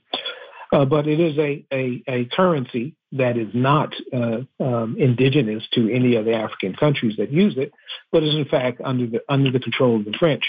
And the French not only use that uh, control of that currency to extract gold and uranium and other things, but they also uh, gain an additional profit. That is, they pay the Nigerians penny, uh, peanuts for their gold and for their uranium while um, you know um, maintaining their their nuclear plant in, in France. Nigerians get nothing for it, and so the the Nigerians uh, and the Malians are are wanting to step up and and control their own destiny. Um, and and uh, they they see the military coup as an opportunity to do that. Uh, it is at least moving them away from, or at least the intention is to move them away from complete control by the French, uh, so that the French uh, on their luxury liners can can feel some pain as well. ECOWAS has come out, the Economic Community of West African States, they have come out and they have demanded the uh, the reinstatement of of Niger's president. And I'm wondering if as Ukraine is a proxy war, if Niger could become a proxy war because you've got other African countries coming. You've got Mali coming out and saying, "No, we're we're backing the new government." Kenya has, I believe, has come out and said, "No, we're backing the new president." And they've also come out and said, "If you, if the West intervenes, we will consider that to be a violation of our sovereignty." So there seems to be some tensions brewing, if I can uh, make the uh, the greatest understatement ever made. Could this become a proxy situation? Well, I think it's I think it's already a proxy situation, certainly one in the making. I mean, the Nigerians are not only uh, uh, protesting against the French control, but they're they're also uh, the military coup leaders are also asking for help from from mm -hmm. from the Kremlin. And uh, and and and so this this becomes a flashpoint for I guess a war, if you will, between the French and the Russians. Uh, not not that the French will will put any of uh, French lives on the line for it. They they'll they'll put Nigerian uh, lives on the line for those who um, uh, want to want to take that side. But but uh, Niger, Mali, uh, other countries in in that in that area are, I think, um, um, entering into a very, very dangerous uh, phase in terms of wanting their liberations, uh, um, um liberations legitimately, but also um, having uh, European troops, particularly the French, uh, still on their territory and needing to call in uh, Russians like like the Wagner Group and so forth to to supplement their their military resistance to that. I, I think that that proxy war is is, is beginning. In France, you know, the, the, through using the uh, you know colonialist currency, the CFA franc, they continue to hold about about about a dozen or so African countries now. They think they I think they hold like something like half of their sovereign wealth. So you've got these supposedly independent countries that half of their sovereign wealth goes into France, of course, we know it ain't never coming back. So, on top of robbing them on a day to day basis of their resources, whatever little pennies that they do make, France takes ha half of it. Are we looking at the beginning of the end of, um, uh, uh, or the beginning of a push to do away with the with the CFA franc, to do it, to do away with uh, uh, the economic um, exploitation outside of the natural resources um, exploitation of, of, of West Africa? Well, I hope I hope that's the case. ECOWAS has a, uh, of course, a, a, project to unite uh, West African states under a single currency, and and as as far as I know, the last time I checked, they were looking for the CFA to be that that uniting currency. Uh, that's not a to call a sovereign wealth fund sovereign. Mm-hmm. In fact, you're using someone else's uh, currency uh, doesn't make any sense. Now, now for these African countries to be uh, to join the uh, the other side of the multipolar world, the the most the, the majority of the world, uh, means that they need to have a sovereign currency. They can't do that with the CFA franc.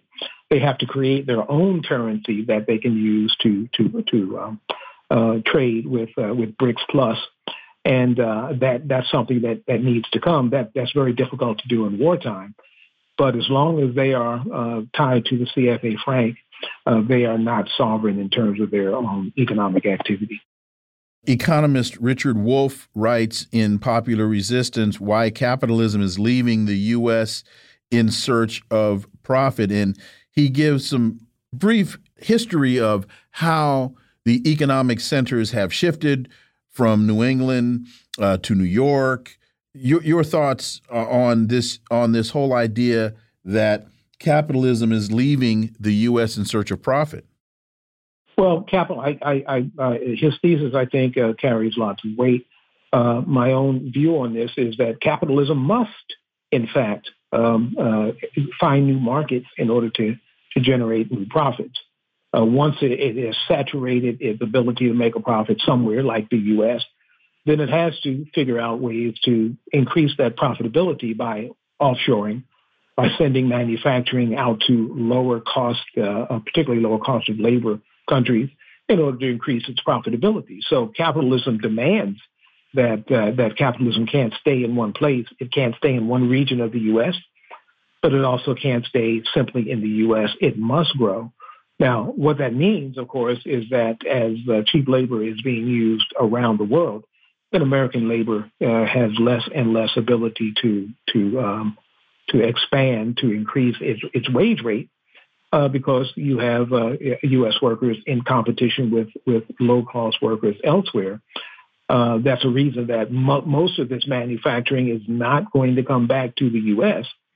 Uh, because uh, the the uh, companies that control them are making m- more and more profit by by not bringing it to the U.S.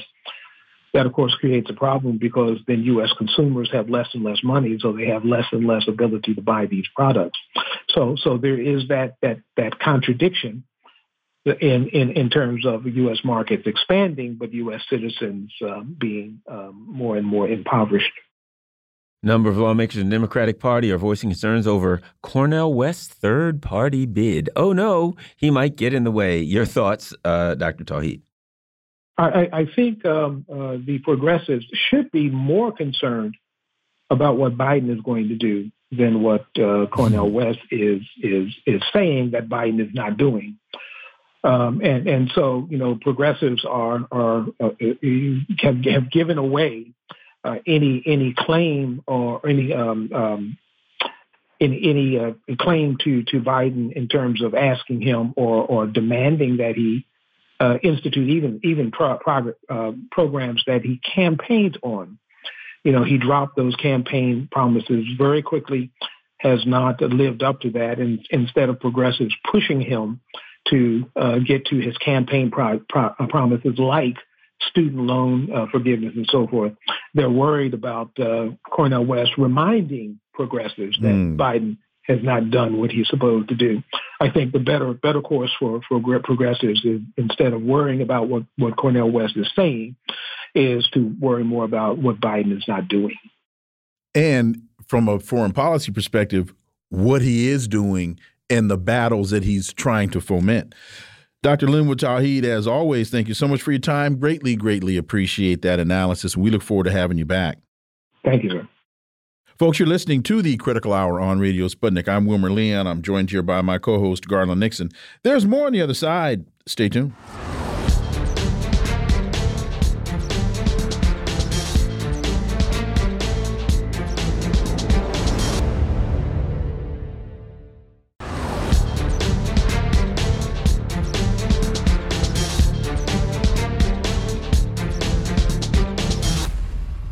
We are back, and you're listening to the Critical Hour on Radio Sputnik. I'm Wilmer Leon, joined here by my co host, Garland Nixon. Thank you, Wilmer. Blinken backs West African nations' threat to use force against Niger coup. ECOWAS nations threaten to use force if President Bazoum is not reinstated within a week. For insight into this, let's turn to our next guest. He's the former co chair of the Green Party and the coordinator of COSA Kwaku Lumumba. As always, Kwaku, welcome back. Thank you. Very glad to be here again. So, Blinken has expressed support for uh, the ECOWAS after it threatened to use force against coup leaders in Niger. And ECOWAS, for those who don't know, is a bloc of 15 West African nations held. They, they held an extraordinary summit to discuss the coup in a joint communique, ECOWAS leaders announced sanctions and said if Bazoum is not reinstated within a week, they will take all measures necessary to reinstore constitutional order. Uh, Kwaku Lumumba. One question is looking at, well, before I get there, let me just get your, your take on this, Kwaku Lumumba. It's unfortunate, uh, but it fits in with the United States position of using other institutions, other international institutions, as proxy forces for its military aspirations. So ECOWAS may have its own uh, agenda in regard to upholding the presidency in Niger. Um, but for Blinken to step in and say, "Yeah, we support you in that," just shows that you know this is this is the way for the ECOWAS states, the um, Eastern Community of West African states, to maintain the funding support that they get from the U.S. State Department by continuing this agenda to support Niger against um, what recently happened against his government.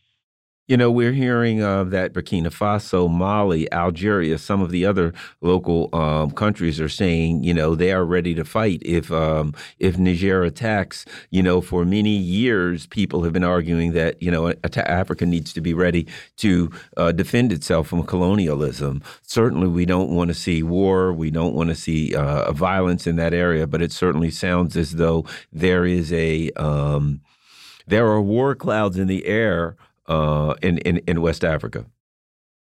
Yeah, we have to be we have to understand where AFRICOM fits into all of this. Why is it that the United States would insist that this be the position that ECOWAS takes? Well, it's the United States State Department has played its role in AFRICOM uh, programs to train and pre- present an agenda for the military in all of these nations um, since its since its inception under the Bush Jr administration, of the George W. Bush administration, and it ramped it up really um, strongly under the Barack Obama administration years.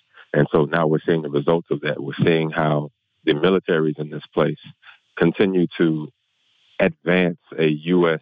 hegemonic perspective as far as West Africa is concerned.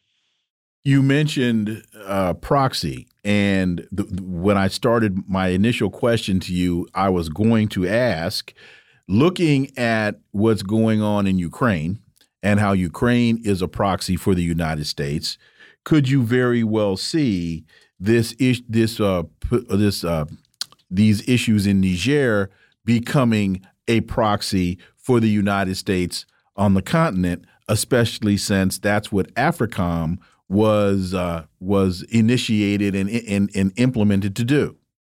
Yes, and I think your uh, point about Ukraine is really apt in this case because a lot of people don't realize that there is U.S.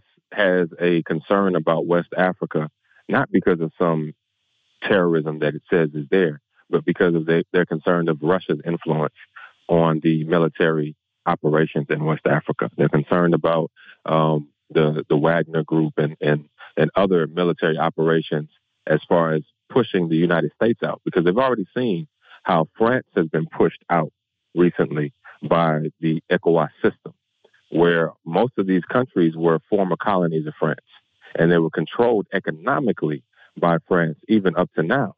And so by ECOWAS forming, it's an economic bloc in West Africa. They strengthen themselves and they know they can actually release their shackles from their former colonial master France.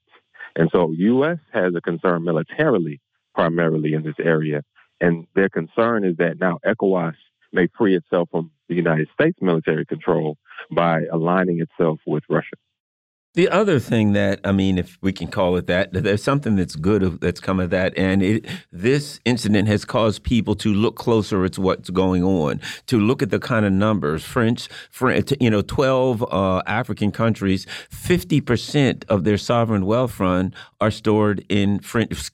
They claim stored in French banks. Well, that would imply that they could get it back if they want to. So I don't quite think stored is the right word that we need to use. Stolen from those people. We've we see now that um, there are towns in um, Niger where um, they are highly polluted due to the uranium mines. That the uh, waste from the uranium mines were just uh, dumped into these towns. People are starting to see and learn about the level of corruption and the the, the brutal theft and colonialism colonialism that has been visited and is being visited upon West Africa by by the uh, colonial powers in Europe. You know, and I'm glad that you brought up that that supposedly how the money is stored or the funds are stored. Niger is a perfect example of this excess. Niger has 96% of its uh, revenue stored in France for France to determine how then it will be used in Niger or, or elsewhere. And so you have less than 5% of its own revenue that the country controls. So when you're talking about a coup in this kind of country where you have people who don't even have access to their own resources because France determines how it's used, then it, it, it becomes understandable why a coup happened and why the uh, the population may not be opposed to it ha having happened. Switching gears a bit, uh, I want to talk about two pieces of legislation before we get into what's the most recent developments in, in Haiti. One is the Global Fragility Act. Uh, Haiti Liberté writes with Russia and China increasingly assertive and influential in the world. Washington has recently rolled out its bet to maintain global hegemony and bring former colonies and neo colonies under its wing, the Global Fragilities Act. And so we've got that as well as we have the whole idea around the Countering Malign Russian Activities in Africa Act. I wanted to start the rest of the conversation with those two pieces of legislation, so because I think that they are they are related, and um, SADC has opposed the Countering Malign Russians Activities in, in Africa Act. So, if you could talk about those two pieces of legislation and how they are influential in getting us where we are today. Yes. Um, you know, you shifted to another portion of Africa, another region of Africa, once you have another economic block of uh, SADC in South Africa. And your listeners are now able to perceive what's going on. You have these areas of Africa that are organizing themselves economically to free themselves economically. The, the political independence already happened and now all of these states have flag independence and, and, and really it's not independence I, I equate it to what happens in the united states during the civil rights era when people are fighting to re-establish or reaffirm voting rights for black people we didn't get independence in the united states during that era we got legislation that led to voting rights um, and that's the same thing that the political independence of these African states led to. They could vote for who they wanted to represent them in government. But the economy was still locked down. They were still dependent on other on other nations like the United States, like France, like Britain, so on and so forth. And so what is happening with these economic blocks toward a regional integration and hopefully uh, Pan-African integration of the entire continent is allowing Africa to really assert independence in its in its politics because it controls its money, it controls its resources, and so the Fragilities Act and and the legislation to prevent Russia ha- having influence in these places. Russia, as a world power, is not a colonial power. It did not, for you know, whatever consequence of history, Russia did not in, engage in the the Berlin Conference in which it divvied up a portion of Africa for itself. And Russia's relationship with Africa has always been different since then, in that it it has gotten resources from Africa to bolster up it, the USSR and now the Russian Federation. However, it hasn't been an imperial relationship. It's been a relationship in which those nations, for example, fighting for uh, liberation in, South, in Southern Africa, particular now, um, were able to get support from Russia militarily so that they could liberate themselves. That didn't happen with Russia and the United States, I mean with the Southern African countries and the United States, for example. It was the opposite.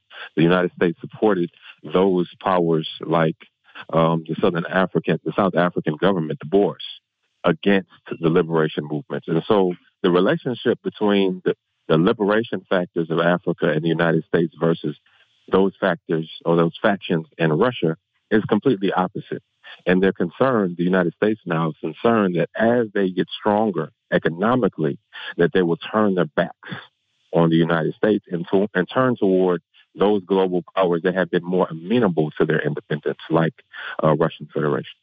LibertarianInstitute.org reports U.S. to introduce UN resolution authorizing sending a multinational force to Haiti. They want to attack Niger. They want to attack Haiti. Is Compton next? Kwaku.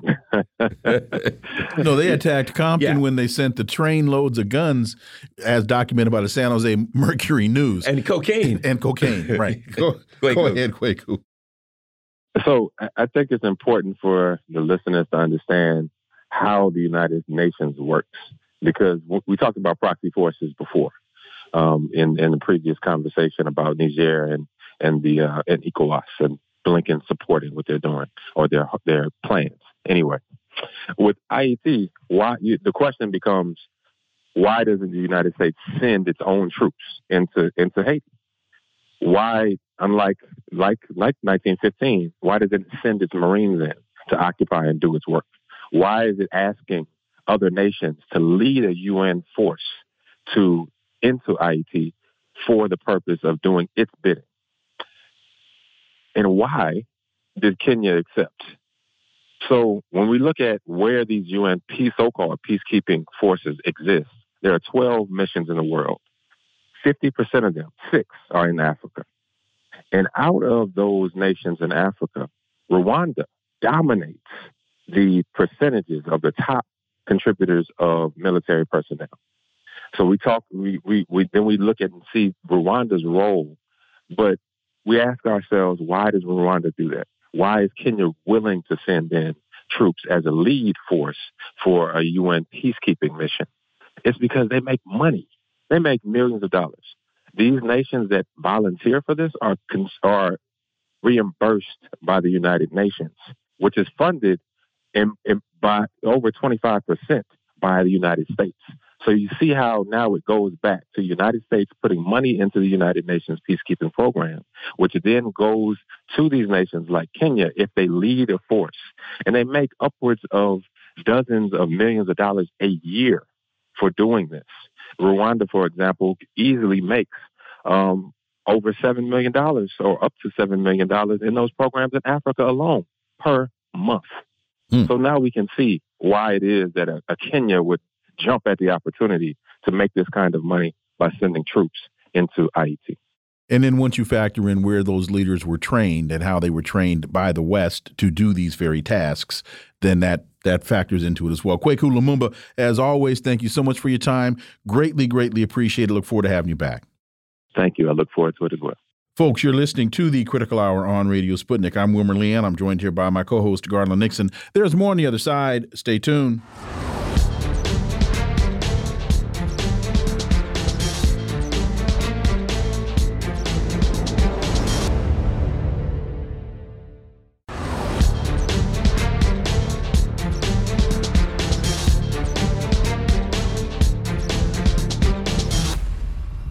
We are back, and you're listening to the Critical Hour on Radio Sputnik. I'm Wilmer Leon, joined here by my co host, Garland Nixon. Thank you, Wilmer. Pepe Escobar writes Geopolitical chessboard shifts against U.S. empire. The geopolitical chessboard is in perpe perpetual shift and never more than in our current incandescent juncture. For insight into this, let's turn to our next guest. He's the co host of The Final Countdown, heard here on Radio Sputnik. He's also a political cartoonist and syndicated columnist, Ted Rall. As always, Ted, welcome back. Thanks for having me.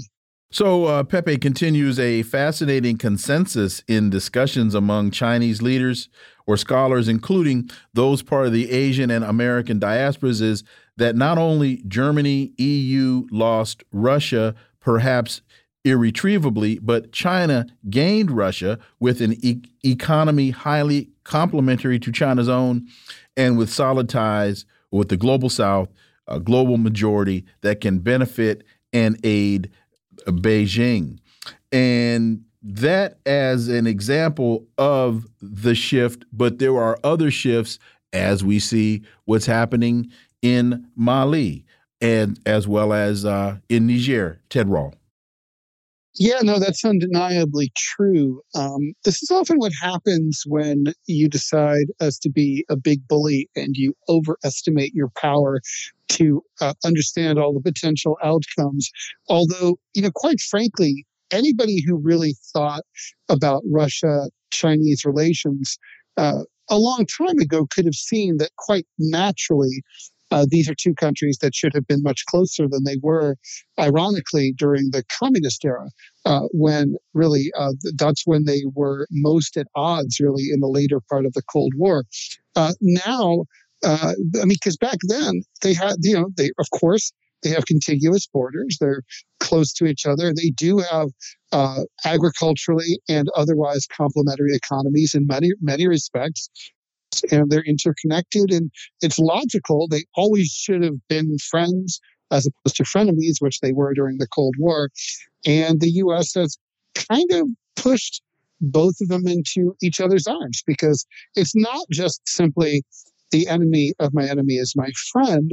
It's more like uh, my enemy is not so into me. Um, hey, you know, we're both at this dance. We're both attractive. We can take, we can go out on the dance floor together. We don't really need this mean dude on the other side of the ocean. Well, and it's also like this if Garland says, I'm going to kill Ted Rall and Wilmer. Well, it would probably benefit you guys at that point to maybe come together to stop me from killing both of you.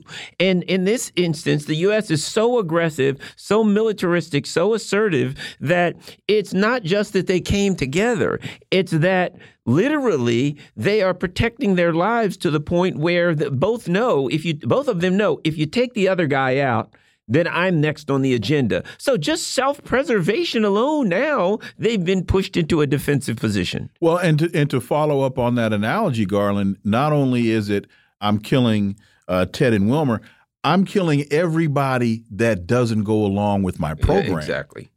Ted. Right. And everybody can see that. Look, the U.S. has been out of control for a long time, and it's only been getting worse, not better. And uh, obviously, things came to crisis as a way of revealing pre existing conditions. And that's what the Russo Ukrainian conflict has done. So now, uh, very clearly, I mean, look, the, the U.S. has been provoking and encircling and threatening and trying to quote unquote contain China. And now they're, you know, the president has said, he said it, he walked it back, he said it again, he walked it back again, or I should say more accurately, his uh, sidekicks walked it back, that he was willing to take the U.S. to war over Taiwan, which is madness considering the fact that the U.S. itself does not believe, does not have any substantive disagreement with China related to the status of Taiwan. Both countries agree that Taiwan is a part of China. Now, uh, we could argue whether that's fair or not, but that's reality. Um, but that kind of makes the U.S. crazy. And then similarly, the U.S. promised, um, made a commitment and the waning eight days of the Cold War under uh, Gorbachev and Reagan, not to expand NATO any further than it had been at the time. NATO was just Western Europe. And then immediately over the years, slowly but steadily expanded it till now. It's against the Russian border. And it has, uh, and of course, you have the, uh, with a situation where Ukraine provoked this conflict by repeatedly saying they wanted to join NATO, and the U.S. encouraged that. And now they're, you know, uh, they've they've tried to destroy Russia's economy. And so, yeah, no, there's there's a common interest here at all, uh, for sure. Self-preservation has a lot to do with it. And uh, Pepe writes, and this is really, I think, enlightening. He said, A credible path ahead is that Moscow will not negotiate with NATO, a mere Pentagon add on, but offer individual European nations a security pact with Russia that would make their need to belong to NATO redundant. Then he writes In parallel, China could offer peace treaties to Japan, South Korea, and the Philippines, and subsequently, a significant part of the U.S. empire of bases might vanish. The problem, once again, is that vassal states don't have the authority or power to comply with any agreement ensuring peace. That, I think, is incredibly astute. That's true. And the only way that such a, that if you were, say, for example, to pick a country from this list at random, the Philippines could uh, possibly take China up on an offer like that would be, ironically, if China were to militarily guarantee the Philippines' sovereignty uh, against an American attack. And that's not an outlandish idea, considering the fact that the Philippines were brutally, viciously occupied by the United States for a long time. And uh, so the, that, that memory is, uh, may not exist here in the U.S., but is definitely not forgotten there. So uh, you, you know, having a, a, a peace agreement that comes at the expense of risking war is kind of a inherently problematic proposition. Caitlin Johnstone has an interesting article, and it says Capitol Hill is an assisted living facility for psychopaths. And she talks about, of course, the issues that are going on with you know, Mitch McConnell kind of having his blanked out moment with Joe Biden, et cetera. But then she goes on to say two things are clear. One, it would be completely irrational and insane for the U.S. to go to war with China. Two, the U.S. is plainly preparing to go with, to war with China. And you got to add three. What the U.S. is saying as they surround China with missiles, as everything that China says, this is a red line, can take us to war, the United States does it all and says, we're doing this to deter war with China. Ted Rall.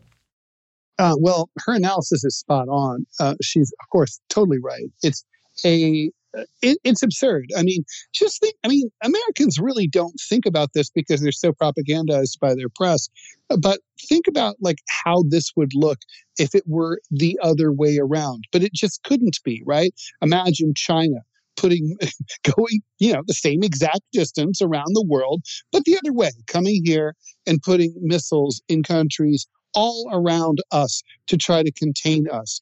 Uh, imagine if um, you know we said that uh, imagine if, if China said, we are willing to go to war to guarantee the uh, national the sovereignty of Hawaii, um, you know, th- which we, we recognize as part of the United States, but nevertheless, this island uh, that's not attached, we we think it should be. I mean, imagine if that. We would think the Chinese were insane, that they had lost their minds, and we would be terrified and we would be re- gearing up for war.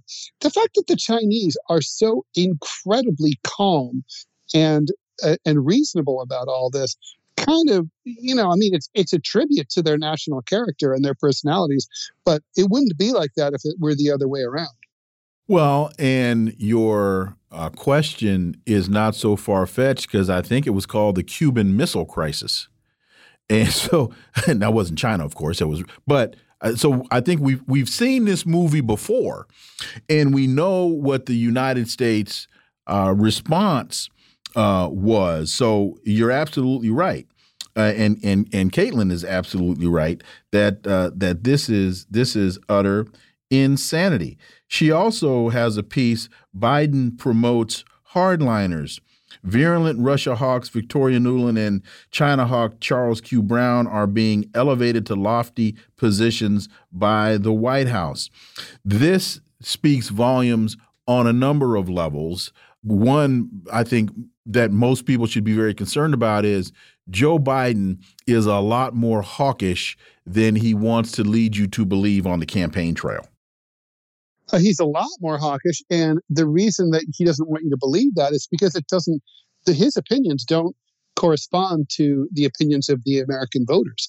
Uh, most American voters have war fatigue. Uh, that's part of the reason why they don't want to see boots on the ground in Ukraine. Um, and you're seeing the support even for the proxy aspect of this war uh, waning slowly but steadily. Uh, the Americans really want the they want uh, money and resources dedicated to helping the United to helping Americans here at home. And we might have disagreements between the left and the right about how to do that, whether it should be for the poor and downtrodden, or whether it should be, uh, you know, to to, uh, to to to guard the border, for example. But there are any of you know, let's face it. I would rather, as a lefty, see resources rededicated to things that I don't even agree with, but at least are for America here than uh, than than the, this kind of nonsense. Uh, Biden is definitely a, a sheep in wolf's clothing, and we're seeing it a lot now with the kind of articles are starting to even come out about his personality, about how he curses at his staff, how he you know was didn't want to acknowledge his seventh grandchild because she was quote unquote i hate the word illegitimate. All human beings are legitimate. But uh, you know just that whole hunter's uh, hunter's daughter. And you know so we're starting to see that the the personality of this dude is pretty much almost as unpleasant as the reality of the policies that he has promoted for 50 years on capitol hill. And when you see the people that he's now promoting the Victoria Nulands, the Charles Browns, the uh, uh, Elliott, Elliott Abrams. Abrams. I mean, just the absolute lowest of the low, the most brutal, vicious, genocidal maniacs on earth. I mean, this guy is uh, the other part of it is that he is Dick Cheney. Ted. He he is Dick Cheney. It's true. Um, he's he, he's got that um, he's got he's he's only missing the sideways grin, but in terms of being uh, neoconservative who doesn't really much care about the fact that Americans can't afford to go to a doctor or be paid minimum wage or be paid a, a living wage or and, and, so on while we line the the pockets of corrupt you know countries like Ukraine. Um, it, it's just it, it, people are starting to see it and, uh, you know, we live in a topsy turvy world where the Republican frontrunner is the person who is the least in favor of military interventionism, although it's way too militaristic for my taste. Ted Rall, as always, thank you so much for your time. Greatly, greatly appreciate that analysis, and we look forward to having you back. Thank you very much. Folks, you've been listening to the Critical Hour here on Radio Sputnik. Thank you for allowing our voices into your space. On behalf of myself and my co host, Garland Nixon, we hope you were informed and enlightened, and we look forward to talking with you all right here tomorrow on Radio Sputnik. Be safe. Peace and blessings. We're out.